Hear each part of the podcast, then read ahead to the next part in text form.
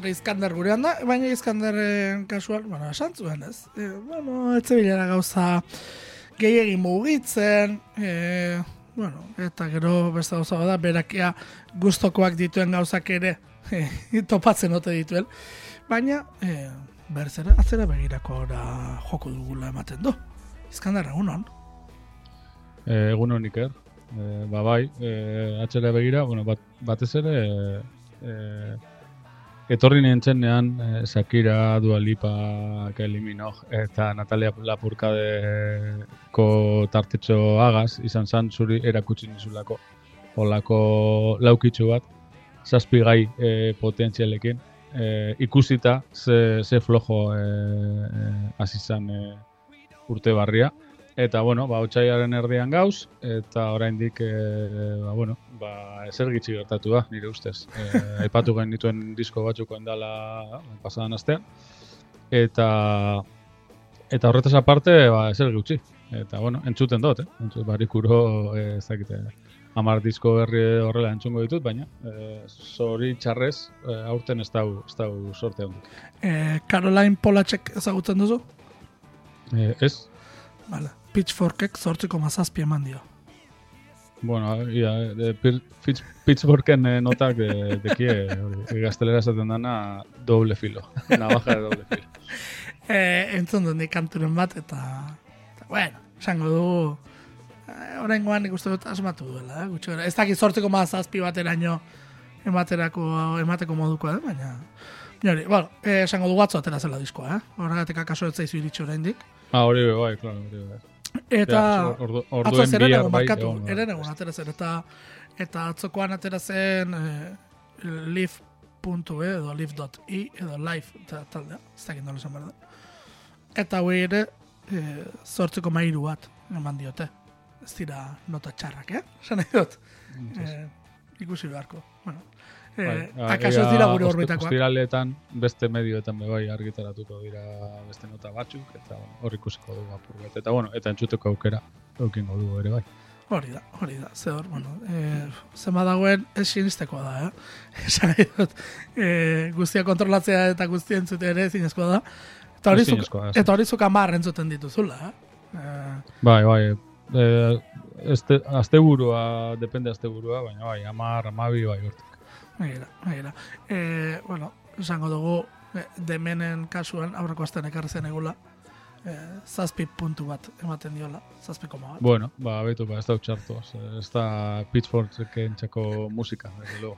Eta, Eh, eta gero, baina, Ez da utxartu. e, zuk esate zenuen arira, ez, zuk esate zenuen pitchforki, bueno, nola ere, e, tendentzia markatza gustatzen zaiola, eta egurra ematen duela, eta ez pasaio zerbait, ez begi honez edo ez pasaio sartzen, bueno, ba, ba ez dituela nota onegiak banatzen nola ere, bueno, ba, esango dugu, ez, maneskini esaterako bia eman diola bere diskoan Oh, esaterako. E, Xaiana Tuaini bosko mabi eman diola, eta Paramorri, ea, ikusten dudan, Paramorri 6,3 eman dio. Bueno, 6,3 gaur egun dezent. atera diren askoetatik ezagunak diren izenak ez, baina Ostras, e, gogorra iruditu zait e, bareskinen bia, eh? Ez da delako entxarra iruditu, esan dut. Entzungarri Nik ez dut entzun, bakarrik entzun dut singela. Eh, onlako eh, estatu beteutako telebistako late night eh, batetan, Ados, Morelorekin batera. ados. Eta bueno, kanta hori behintzat, eh, zait iruditu beste munduko ezer. Baina, Ez, ez, hori da. Baliteke diskoan gauza hobeagoak egon. Ez da hemen zera, su artifizialak botatzeko disko bat, baina ez dut uste bi bat emateko modukoa denik ere. Ze bi oso nota txarra da, horregatik esaten nuen. Eh, ez dakidana da, gaur ekarri dituzun hauek, ze gaur ekarri dituzunak ez dira, ez dira berriak, eh, nola egon gote diren baloratuta, ez dakit horiek pitchforken agertuko diren. Eh, guztiak agertzen dira? Hau da, Ba, olako mantentzen dituzte? Reedizio batetik edo tiraka bai aprobetsatzen dute, ba, diskoi buruz berriro hitz egiteko.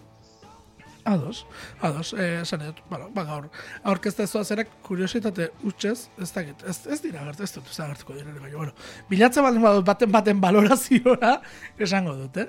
E, ze gaur atzera begirako egingo dugu, esan duzun moduan, eta gainera, bueno, talde eta artista mitikoak gogoratuz e, egingo dugu gaurkoa. Nik uste dut, saioa, zure tartean zonduenak behintzat, guztiak ezagun izango dituela, eta, e, bueno, e, espezializatua ez denak ere, e, gehienak, bentsat, noizbait entzungo zituela. Bai, kantak bai, seguramente. Ba, bueno, eh, lauki famoso hartan, eh, non zazpi eh, tartetxo potentzial agertzen ziren, ba, zegoen bat, iziari buruz, eh, gazteleraz despetxo, ari buruz eh, berbaiten eh, zuena. Eta bertan agertzen zen bai, Sakiran no kanta, eta gutxi gora bera ideia sortu zen hortik, zelan ba, Sakira bizarrapekin egindako kantaren ondorioz e, sortutako e, eztabaida soziala, agia, edo politikoa zergaitik ez. Eta pentsatu nuen, bueno, ba, e, topatu bal nituela, ba, olako kanta klasikoak, e, iziaz e, idatzi, idatzitako kantak. Eta, bueno, ba, alde hasiko gara, alde oso klasiko batetan, ze joango gara Inglaterrara, irurogeiko amarkadara, ez irurogeita amarreko amarkadara barkatu, eta entzungo dugu Deep Purpleen e, Highway Star, eta, klar, kantaren e, atzean historia bat dago, eta da, bueno, eurek ja Black Sabbath eta Led Zeppelin e, estanda egin ondoren, hirugarrenak listan e, eurek izan behar ziren, Deep Purplekoak. Eta, ba, bueno, ba, euren disketxea, prentsa guztia komedia tartean erosi egin zuen, kasetariz bete zuen euren e, e, birako autobusa, eta, bueno, Richie Blackmore, e, bueno, troll bat e, danez, e, eta gaur egun oraindik jarraitzen du trolla izaten, ba, aspertuta zegoen e, e, kasetarien e, galdera tontoetaz, eta, bueno, olako bazilada bat egin zuen, eta azkenean hortik e, Highway Star kanta e, sortu zen. Highway Star. Nik uste dut oso kantoa ezaguna dala, baina eh, ez dakit eh, holan, eh, publiko eh, eh, haundirako kanta bat izan da, edo asko dan kanta, ez dakit. Ez da Smoke on the Water, adibidez. Eh, baina, bueno, ala ere, ba, kanta itxela, oso gogorra, eh, argitaratu zen eh, garairako. Eh, eta, bueno, ez dakit, ba, musika klasikoko eraginak, rip gogorrak, eta, bueno, jarroka, e, zer izan behar zen, ba, ba, bueno, ba, Deep Purple kanta honetan, gutxi gora bera, marrastu zuten zer izan behar zen jarroka. Bueno, eh, esango dugu, mundu mailan eh, izan zela lako zera bat, eh, mugimendu bat, diskoaren baitan, esango dugu, diskoak berak talde bat izena bantziola gero. Eh, bai, Machine Head. Machine Head deitzelako disko hau, diskoari irekiera kantua da justu Highway Star, Eta, bueno, ba, mundu mailan ez, e, Alemanian, Australian, Kanadan, Danimarkan, edo eta, bueno, Frantzian, ez? E, e, bueno, erresumo bat dute kanpora, lehen da biziko tokire iritsi zen, ba, bueno, beste herrialde batzutan, bueno, estatu batuetan esaterako, ez? Zazpigarren tokira ino zen. E, orduan oraindik estatu batuetan Europako musika, ez? E, e, errezeloz edo, ez? E, begiratzen zen garaiaietan. E, bueno, ez dago e, zerarik, e, e, notarik kasu honetan, e, baina bai badago, e, no, Deep Purpleen e, diskoak badago, e, entzun beharreko zerrendetan pitchforken arabera. Mila dago desartuta, ez dira gutxi, baina badago e, disko hau, e, Machine Head badago hor sartuta, eh? hori bueno, aipatu beharreko gauzen artean. Deep Purpleen diskografia ia osoa dagoelako sartuta, zuk esan duzu moduan, belaunaldi bat markatu zuelako.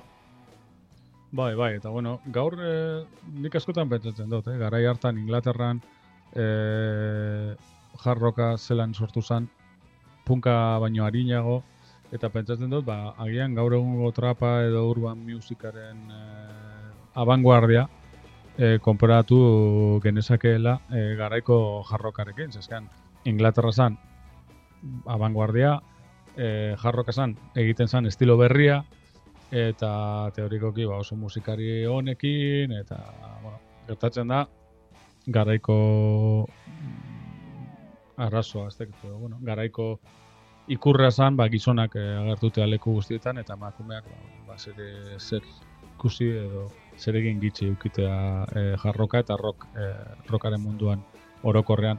Baina bestela nik, ba, ustez konparatu daitekela, ez? E, gaur egungo urban music edo traparen e, barritasun hori, eta purketa hori, eta bere garaian jarrokak edo handik urte gutxira punkak e, egin zuenarekin konparatzeko aukera badagoela uste dut. Ba, bueno, ba, Machine Head diskoko Highway Star, hori da, e, aukeratu zuen kantua, eta hori da, Deep Purpleek, mila bederatzero eta irurogeita egin zuen kantua.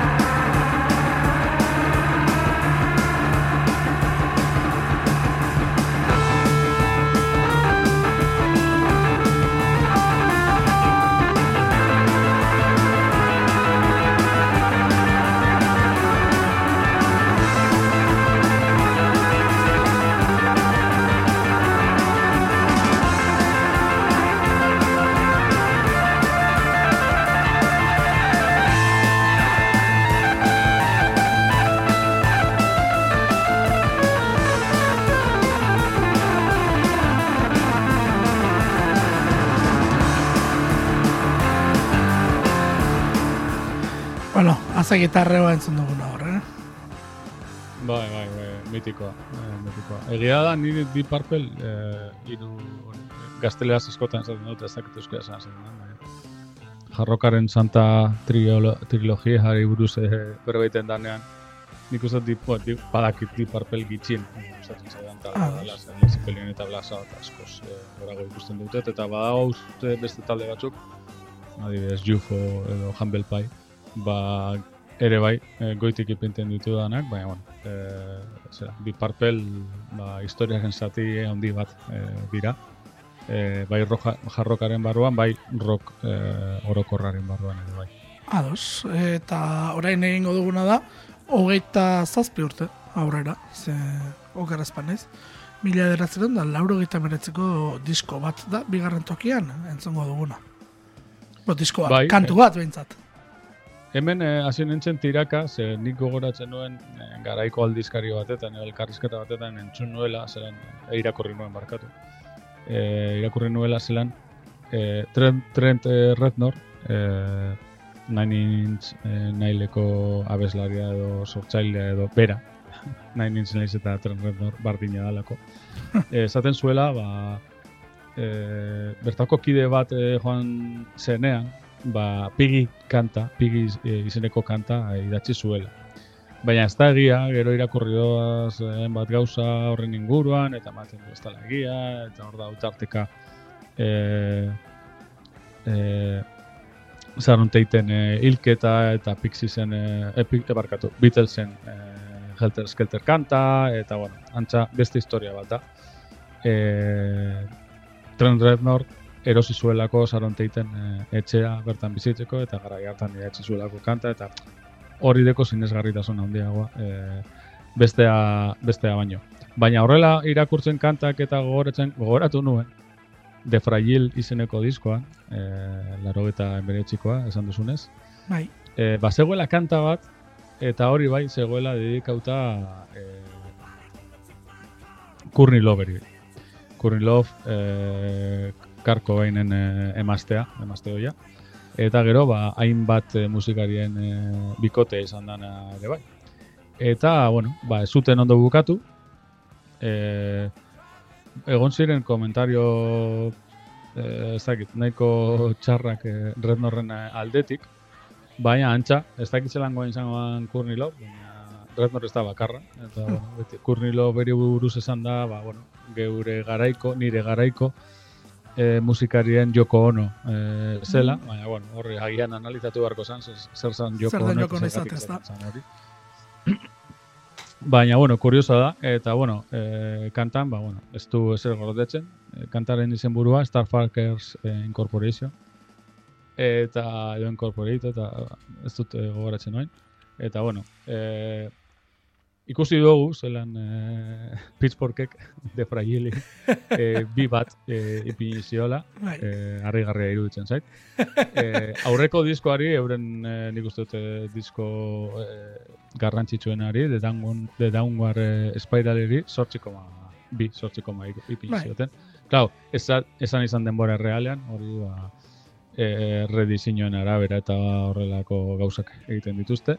Ah, bueno, nik uste dute frail eh, badala, eh, disko bikaina ere bai, luzea, eh, bikoitza, kanta askokin eta atmosfera ezberdin askokin, baina, bueno, nik uste dute lan, eh, artelan eh, interesgarria dela. Eta Starpackers eh, Incorpor, Incorporation edo Incorporated edo ez dut gogoratzen, ze ink bakarri badak, esu Hori da. ink ipinten dela.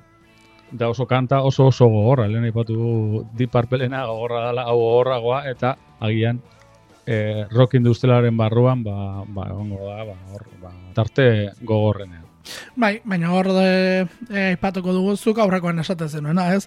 Disko bat ateratzen dutenen eta bikaina egiten dutenen eta gero urrengoa espaldin bada e, maila berekoa edo berek espero dutena egurra ematen diotela. Hau da, Bai, hori e, hori bai. a, zuek fuera egiten dutela, ez? Nola ere, e, jazta, ez zait interesatzen, agur, eta egurra ematen dutela. Ze Billboarden arabera, hau da, salmenten zerrendaren arabera, e, lehen da biziko tokire iritsi zen e, disko hau, e, Australian bigarren tokira iritsi zen, erresuma batuan amargarren tokira, Kanadan bigarren tokira, bueno, ez, e, esango dugu, edo, edo eta Finlandian, ez, e, musika gogorra maite duten herrialde bat aipatzearen, amargarren tokian kokatu zen.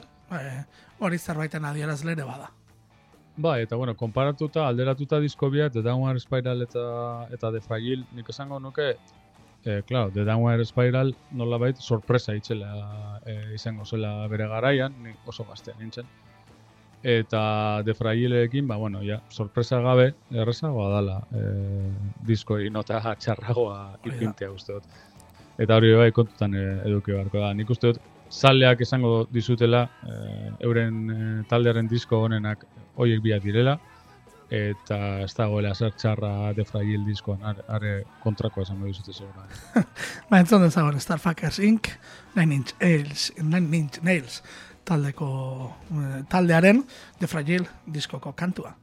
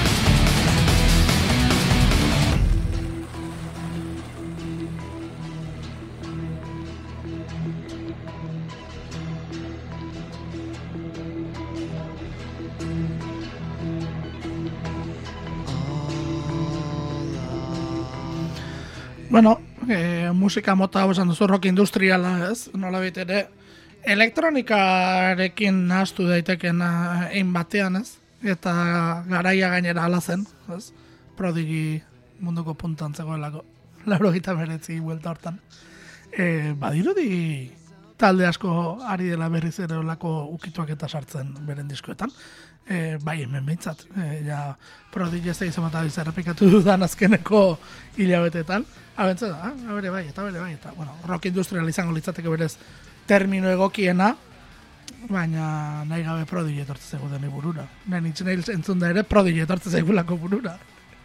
Bueno, egia da nik ustut eh, Prodigy apurbet eh, berando agertuko agertu zirela eta horre, ba, garai horretan ja e, Nine Inch Nails bere izena e, eginda zeukala.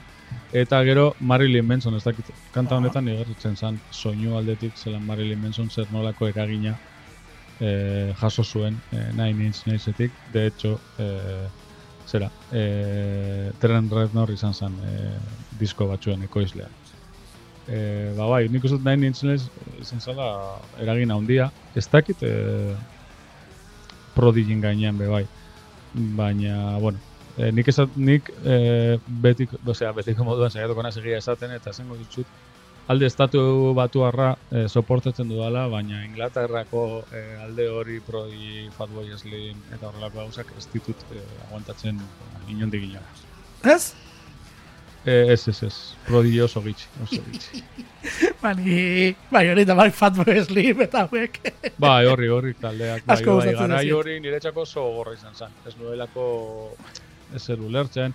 Edo, ez dakit, igual, eh, iru lau urt, bost urte, bost urte gazteagoa izan da, eh, ba, hartuko nuen eh, asko sobetu.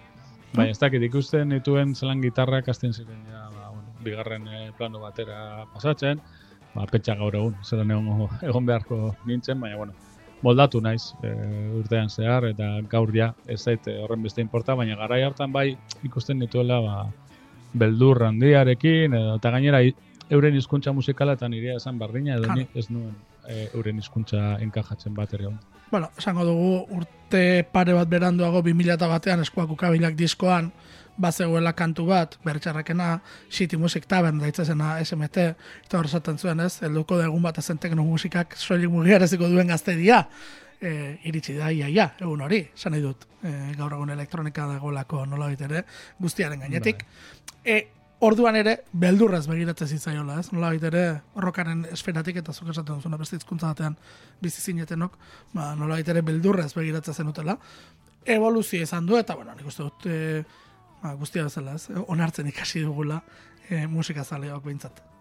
Bai, beste anekdota bat, e, orain dala, orain duela aste batzuk egon nintzen e, kristonak e, arratiako, bueno, Bai. bezala, arratiarrak, e, kristonak en- elkarrizketatzen, eta esan zuten zelan, eurek hasi zirenean, roka ez zegoela modan, e, zeia ez zegoen, e, baina bueno, ba zegoen oraindik, ba, azta, e, zeo zer, eta roka esana ziren haizeak eta eskapopa eta eta hori dana. Baina harritu egin dira zelan pandemiarekin eurek gelditu zirela hor erdibidean e, e, ez jakin da nora joan eta bueltatu dira orain pandemia ostean eta ikusten dutena da ja, ez dauzela e, haize talderik, baina e, elektronika eta eurei eskapatzen zaien gauza pilo bat e, dagoela orain e, estenan.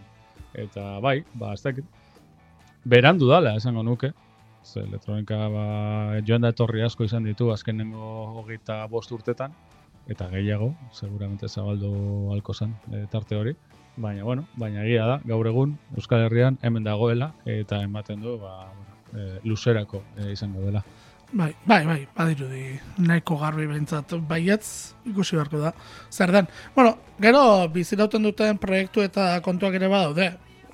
Horren adibide urrengo artista ekarri duzuna, ze eia moldatze jakin duela, ez? Egiten duen musikak ibilide bat izan duela. Baina, bueno, beti bere esentzia mantendu duela, eta hogeita mapiko urte dira dagoeneko hasi zenetik, ez? Eta, eta bueno, esango dugu, ez? E, diskonek bai, Alanis Morissette ez ari gara, diskonek bai, nota ona eskuratzen duela. Eta badago e, tartean, ez dakit nahi eta nahi gabe egin duzun, baina kanto eta azkenekoa elkarrekin lotuta daude? Eh, ez, ez, ez, ez, ni Esango, esango dizu zergatik, ze e, pitchforken jartzen du, e, bueno, ba hor, e, Flatbook back, Flatbook, e, Flatbook back taldearen baitan, bazegoela Lindsey Buckingham eta Stevie Nicks arteko abusturaren zerbait, eta hor tartean kokatzen ote den kantu hau. kantu hau edo disko hau. Under the Rug eh, Swept deituriko hau, hor tartean kokatzen ote den, eh, aipatzen du, bitxikeria. Ez ditzateke harritzeko izango, ez da, ze Alanis Morissetek eh, justu isiaz, ez, eh, despetxoaz, asko hitz egin du. Bai, e, bere lehenengo arrakasta, e, joetan hau, e, horrere buruz hitz egiten zuen, eta bertan berba egiten zuen, e, bera eta gizon e, baten arteko e, erlazio bateri buruz, eta entzungo dugun kantan, e, Hans Klein e, kantan, berdina egiten du barriro, baina e, narratiban ikusten da urteak pasatu direla. Zin uste dut, jo, Joe hau eta Hans Klein e, ez dinot kanta berdina direla, baina bai lotuta gauzela eta e, zera, Fleetwood Macen e, kanta ekarri dut, bai, e, badagoelako hor e, amodiozko historio bat hasiera baten, eta justo disko hori grabatu zutenean, ba, gauzak e, estanda egin zutelako, eta, bueno, hor dauze anekdota bitxi batzuk gero aipatu ditugunak. Baina, bueno, ja, e, Alanis Morissette eta Hans Kleinen e, kasuen da hori. Hitz egiten du, bera zeukala e, gizon e, nagusi batekin erlazio bat, Eta hemen dana da, ba, ba bueno, ba, ez dakit, eh, reprotxeak, eh, zelan eh, tratatzen zuen, eta antza gainera, Alanis Morissette oso oso gaztea, eh, tinaiar bat zela, eta gizona, ba, bueno, ia hogeta eh, urtekoa, así que, bueno, Bai. eh, historia iluna ere bai, ez? Eh, Bentsat ilegala izan zen. Bai, bai, bai, bai. Bueno, eh, Alanis Morissetek eh, esango du, izango da, akaso, eh, bere buruak egin biluztu denetako artista bat, bere kantuetan, eh, azken diskoak eta hortek joan direlako baita ere, ba, bere arazo pertsonalak abesti, ez? Musika terapia moduan erabili duela esan dezakegu nola baita ere, ba, beti aurra egin diolako ba, musikaren bidez, o bentsat bere kantuetan argi eta garbi islatzen dituelako bere bizipen pertsonal guztiak. Disko honekin, esan dugu ez, e, bueno, Under the Rug Swept deituriko diskoa, 2000 eta bikoa, zortziko mairu bat, Pitchforken, baina salmentetan ere, Australia, Austria, Kanada, Alemania, Irlanda, Italia, Norvegia, e, Suiz, Suiza eta estatu batuetan lehen da biziko tokiraino iristen da, eta Belgika edota, edota erresuma batuan edota Eskozian, bigarren tokian kokatzen den diskoa da. E, ostras, e, ez dela txantxetakoa, eta gainera, kontuan izan da, e, lau urteko isilaldi baten ostean, unplugged bat tarteko, Bueno, ere, urteko ba, utxune bat egon da diskotik diskora. Bosgarren estudioko disko izan zen hau. Ba, eta batez be, e, entzungo duen kantari esker. Egia daia ez zeukala horren besteko indarrik e, industrian, baina egia da industria ba, agian historiako kaskarrena e, zela e, urte hartan, 2002an. Diskoa hau kuriositate modura esango dut, Maverick e, disketxearekin argitaratu zuen, eta Maverick disketxea Madonna nazan. Madonna egin zuen saiakera bat, ikusi zuelako, bere e, e, zera, izar e, egoera arriskuan zegoela, eta pentsatu zuen, bueno, bagian nire esketxe propia sortzen baldin badut, baina azken saldo egin zuen, eta, bueno, hori beste historia bat da, baina bai, e, Madonnarekin batera argitaratu zuen, Mavericken bai Deftones eta eta Candlebox eta horrelako beste talde batzuk e, agertu ziren. Eta dinoana, ja, Alanis Morissette ez zeukan horren besteko indarrik, musika ez zeukalako horren besteko indarrik, MTV-a, e, bideoklipak, YouTube bazegoen ja, baina egia da, ba, telebistan e, horrelako indarra ez zeukatenik, ba, bueno, nik uste ba, bigarren plano batera, e, bi- bigarren plano batean geratu zala disko hau, baina hala ere nik uste oso disko ona dala, hau kanta itxela dala, bere, bere ibilbidean e, onenen artean dagoela, eta bueno, eta gaia, ba, bueno, interesgarria, beti moduen, ze, betiko moduen, ze zuk esan duzunez, Alanis Morissette bere bizitza, e, nolabait kontatu digu, eta bere sentsazioak eta bere emozioak e, kontatu dizkigu ba, hainbat bida. Bai, eta nik uste dut hori izan dela baita ere gakoetako bat publiko zabaleren gana beti iristeko. Bueno, ba, entzengo dugu Hans Klein, ba, esan dugun uh, Under Rock Swept diskoaren, lehen da biziko single moduan agertu zen kantua.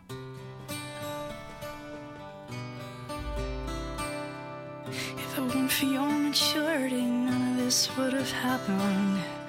If you weren't so wise beyond your years, I would have been able to control myself. If it weren't for my attention, you wouldn't have been successful. And if, if it weren't for me, you would never have amounted to very much.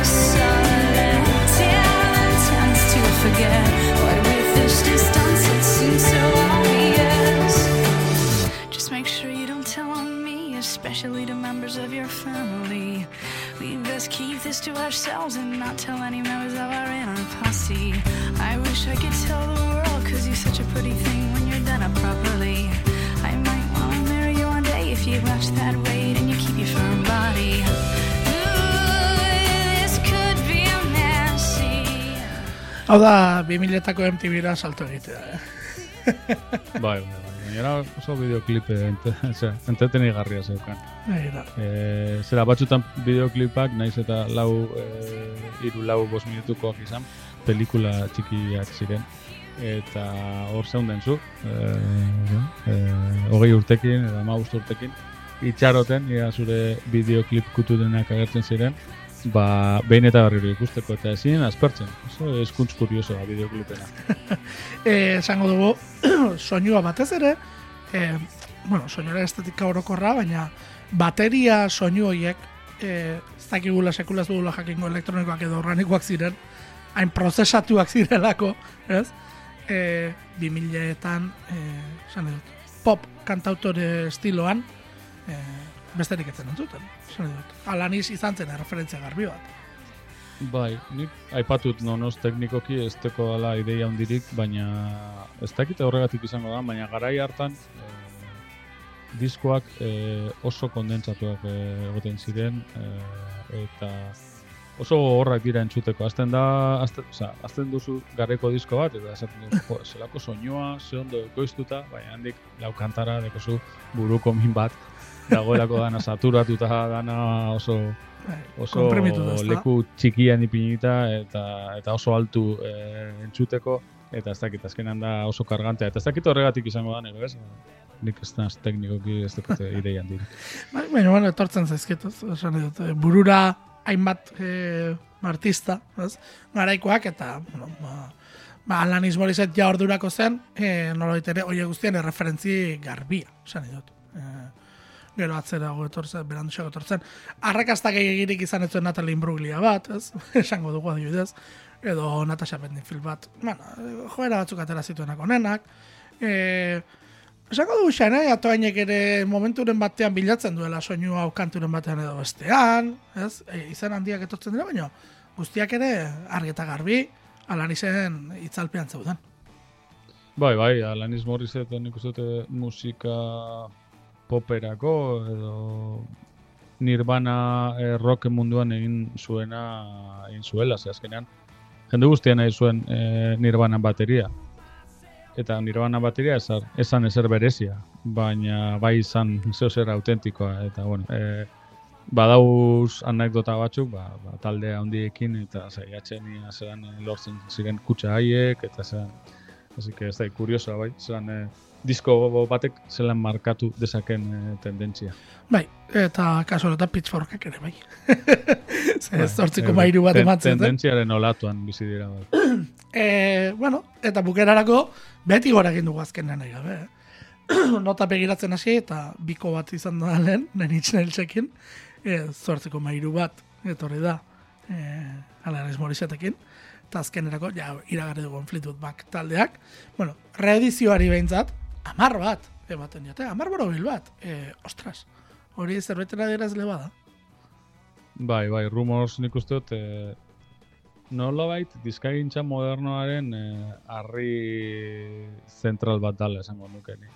Eh, Fleetwood Mac talde oso kuriosoa Inglaterran sortu zen, blues rocka edo blues egiten, ez dakit zenbat disko argitaratu zituzten eh, Inglaterran eh, Peter Green gitar jolearekin batera, baina gero, alako baten eh, bertako kide bi, eh, estatu batuetara joaten dira taldearen izenarekin, eta bertan batzen dituzte e, hiru musikari eurek baino askoz gazteagoak, bertan egoten ziren e, Lindsey Buckingham, e, Stevie Nicks eta Christy McVie, e, McVie e, zera, eskondo egin zelako. Hori E, McVie-gaz e, Ba, taldeko basu McVie. jotzailearekin, John Eta- McVierekin. hori da. e, bueno, argitara zuten e, estatu batuetako Fleetwood Macen lehenengo diskoa, eta bueno, e, zera, arrakasta izan zuen, ikusten zen eurek zirela e, talde handi bat, eta urrengo diskoarekin i, izan behar zutela sekulako arrakasta, eta horretorri zen Rumors diskoa, esan dudanez, ba, niretzako nik uste dizkaintza modernoaren e, harri oso oso oso garrantzitsu bat. E, diskoa, e, ni bezala, laro eta mazazpikoa da, e, Irurogeita mazazpi, irurogeita mazazpi, eh? Otsaiak amasei, da nire urte betetzea, así que bentsat rumors e, nire urtekoa da, be bai, eta, eta ez dago bat ere txarto. Eta, bueno, zergatik ekarri dute kanta hau, disko hau osorik e, gai horretatik mugitzen da bai, baina, bueno, e, disko hau grabatu zenean, nik uste dut, e, kokaina kilo asko pasatu zirela estudioetatik, e, euren arteko erlazioak apurtu egin ziren, Johnny McVie eta Christine McVie eskonduta egon ziren, baina hor txarto zegoen, Lindsey Buckingham eta Stevie Nicks batera zeuden, eta apurtu zuten diskoa grabatzeko, eta bueno, badau sortik, ba, bueno, esan, historiak esaten dute, ba, Lindsey Buckingham e, abestuteko, bere parteak abestuteko eskatzen zuela Stevie Nicks kanpoan egotea, eta horrelako gauzak, así que interesgarri esango zen. Oin e, egiten direla telesaioak edozein gauzengatik, nik uste dut, e, hau, e, disko hau, disko honek merezi duela telesai, ez dakit, sei sortzi kapitulotako telesai bat, ze gertatu ziren gauza eta gauza asko disko honen grabaketan. Eta azkenengo, e, zera, azkenengo anekdota, egon nintzen ikusten hor e, Disney dau e, telesail bat, e, pelikula izan sana, e, eta dau neska bat disko denda bat daukana, eta egin nahi dau playlist bat, bere azken bikotea e, berriro irabazteko, edo, bueno, romantiko batetik, eta bertan badau, elkarrizketa bat, non esaten duten, e, disko honetako kantarik txarrena Go Your Own Way da- dala, justo gaur entzungo dugun kanta hau. Eta kurioso iruditu jatan, ze e, ez nuke aipatuko disko hau, esateko kanta bat, e, kanta txar bat e, dagoela. Ze, ez dakit, ez teko kanta txarrik, amar bat e, dino hori e, e, pitforretik, nire bai amar bat emango, emango nion, nik uste dut baietz, eta arrazoia dutela kauzu hontan, baina normalean, eh, esan dugunez, ba, tendentziaren olatuan gainean eh, bizitzeak badauz, badauzka mila arrisko. Bueno, eh, akaso gi- gidoilaria, eh, diozon telesail horretakoa, Frantziarra izango da.